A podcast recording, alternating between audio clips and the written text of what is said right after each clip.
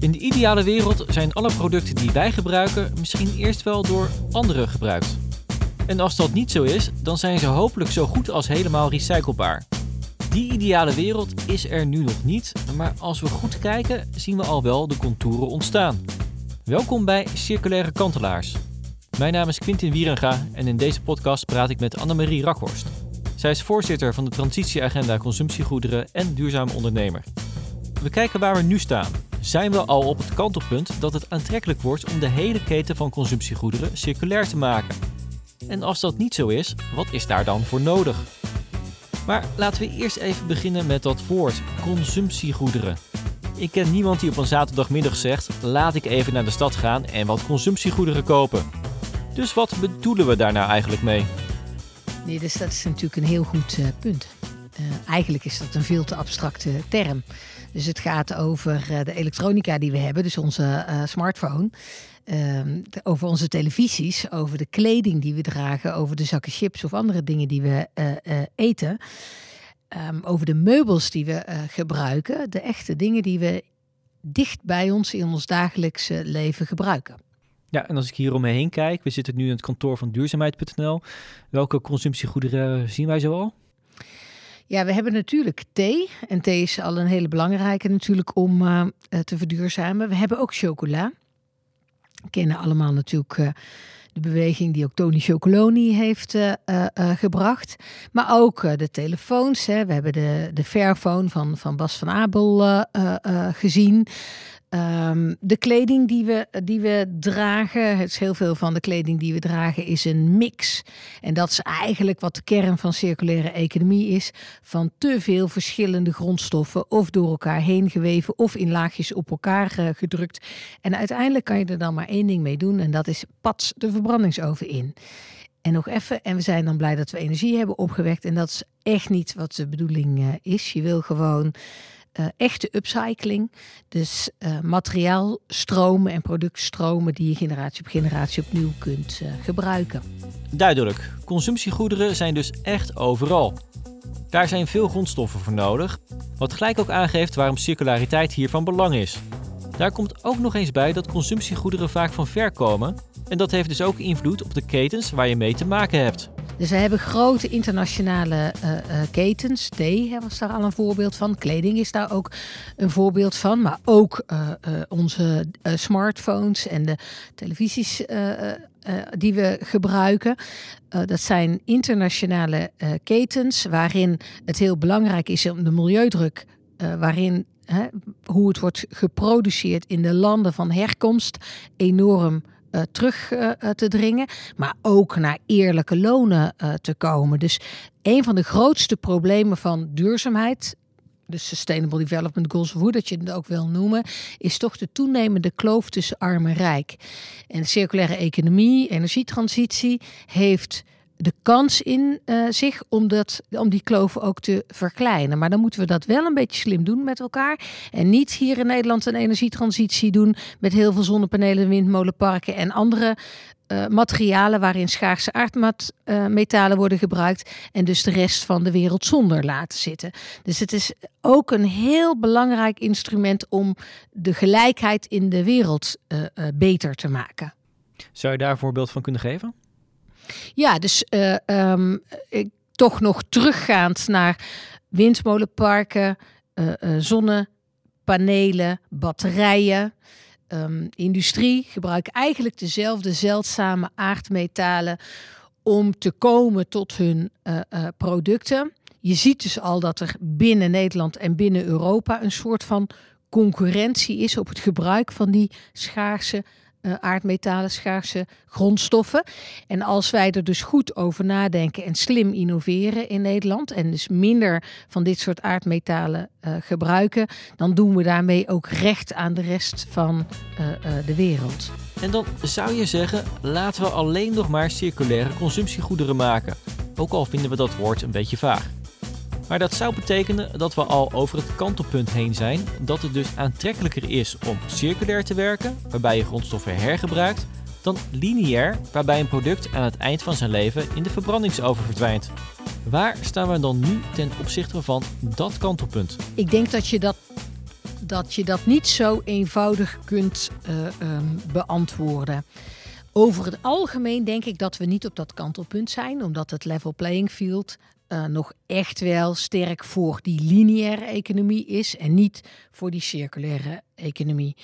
Uh, de circulaire economie kampt met de kwaliteit en de prijzen van die secundaire grondstoffenstromen. Uh, dus die nieuwe materialen, die zijn omdat heel veel ontwaarding niet belast is, goedkoper.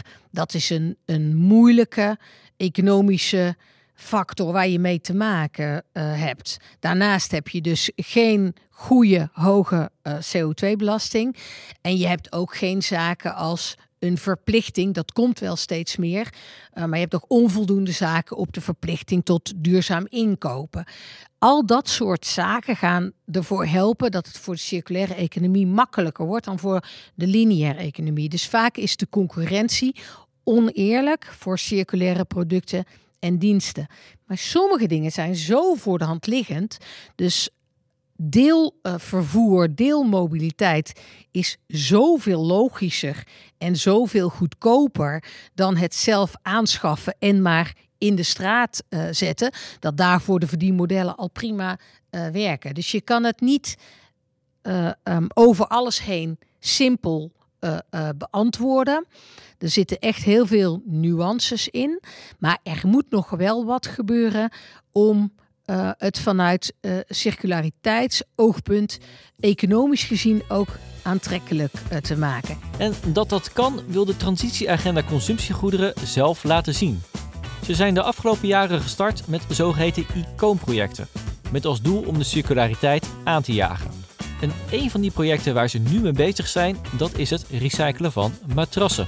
Ja, dus uh, een icoonproject matrassen. 1 miljoen, meer dan 1 miljoen matrassen per jaar gaan in Nederland de verbrandingsoven in. Dat is natuurlijk eigenlijk niet te bevatten. Ja, dat verbaasde mij dat het gewoon helemaal niet gerecycled werd. Dat is zo.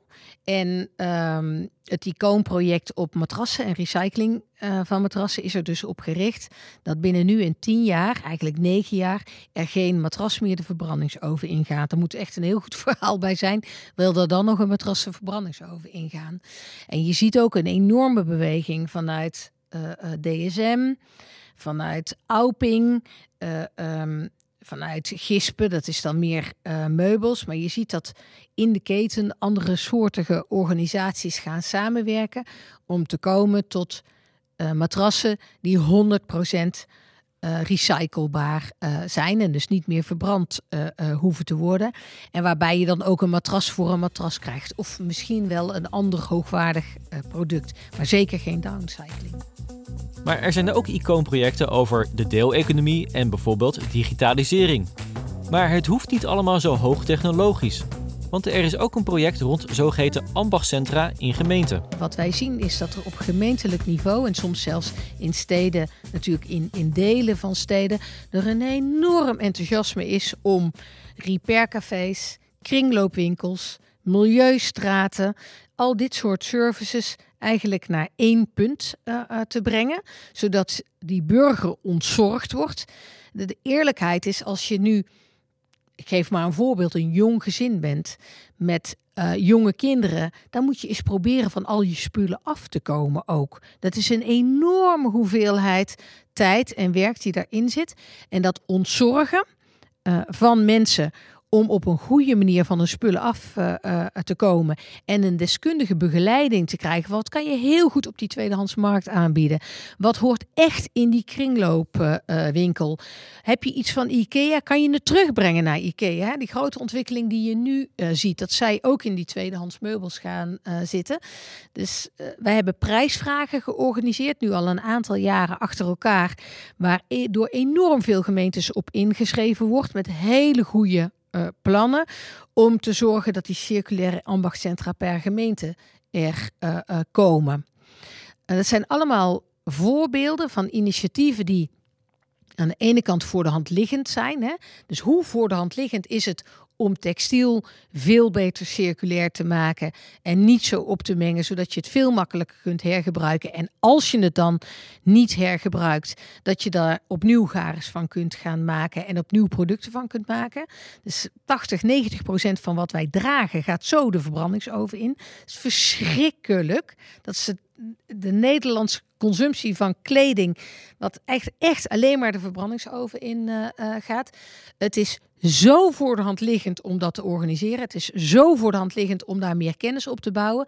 En het is zo voor de hand liggend om, wij hebben dan Dutch Circular Textile Valley op te richten, waarin je eigenlijk heel veel goede initiatieven die er in die textielindustrie al waren in Nederland, een industrie die we verloren zijn in de afgelopen uh, uh, decennia, weer terug te brengen en uh, um, echt tot waardevolle uh, uh, projecten te brengen, waar dan je later ook weer in kunt gaan investeren. Dus het, mechanisch en het chemisch sorteren en, en reinigen van kleding om daar nieuwe stukken van te maken. En dat mag ook in de meubelindustrie of in isolatie zijn, maar het liefst natuurlijk wel zo hoogwaardig mogelijk. Is logisch, het is voor de hand liggend. Het is eigenlijk verbijsterend dat het niet gebeurt. En toch moet je een beetje procesgeld organiseren om de juiste mensen rond de juiste tafel te zetten en die ketens juist te organiseren. En dan gaat het ook vliegen. En dat is eigenlijk wat wij met die icoonprojecten proberen. Je moet dus wel investeren, maar je moet ook aan de slag. Soms helpt het daarbij als de politiek de spelregels bepaalt. En dan liefst op het niveau van de Europese Unie.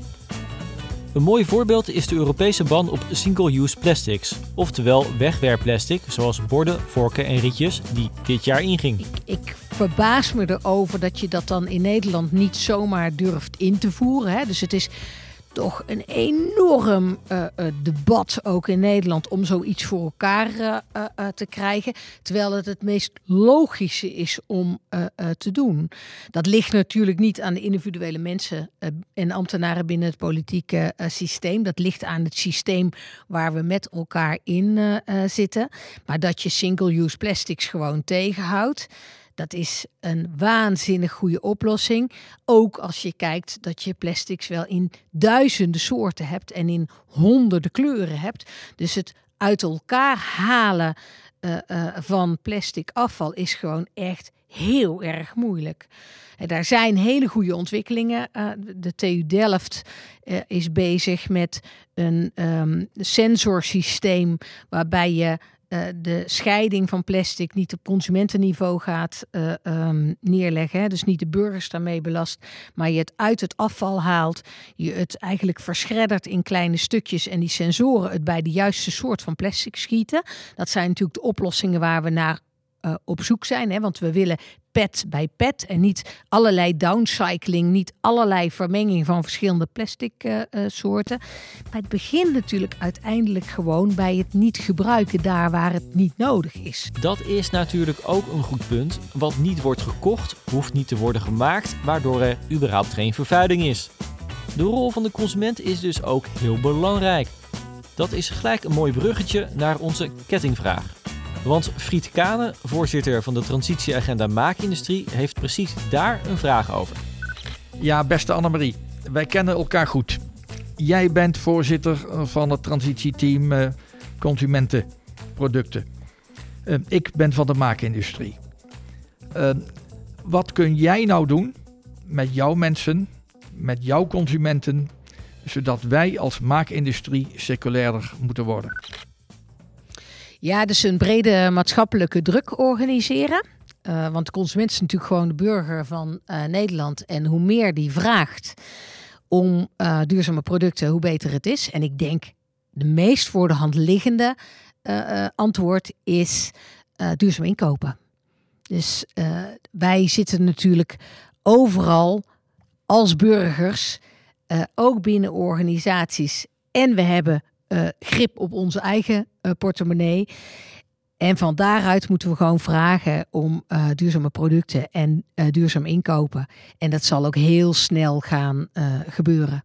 Want als de consument het vraagt, gaat de maakindustrie het maken. Ja, en die consument is natuurlijk ook altijd een medewerker ergens in een organisatie. En daar kan hij weer lekker duurzaam inkopen.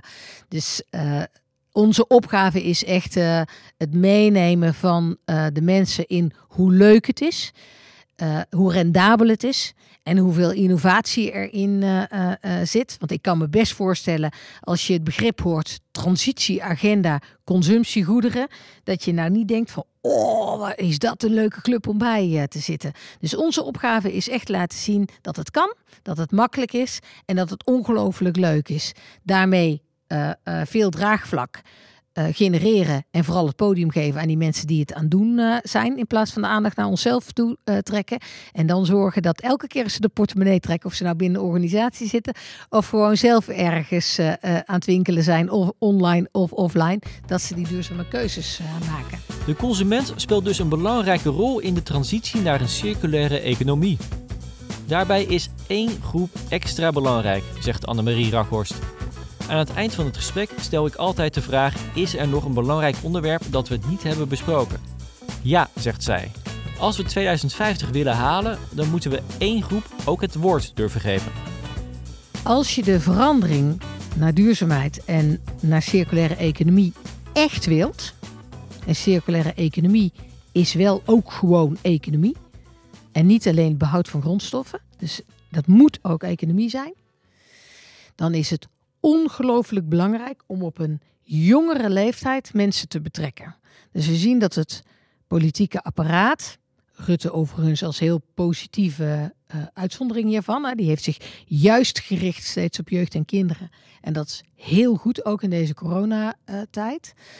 Maar heel veel van de professionele organisaties, die bijvoorbeeld feiten leveren, zoals Centraal Bureau voor Statistiek, waar ik een groot fan van ben, organisaties als uh, Milieu Centraal en dus ook uh, politieke organisaties en bedrijfsleven in de breedste zin van het woord zijn gewend zich tot mensen te richten vanaf ongeveer 24, 26 jaar.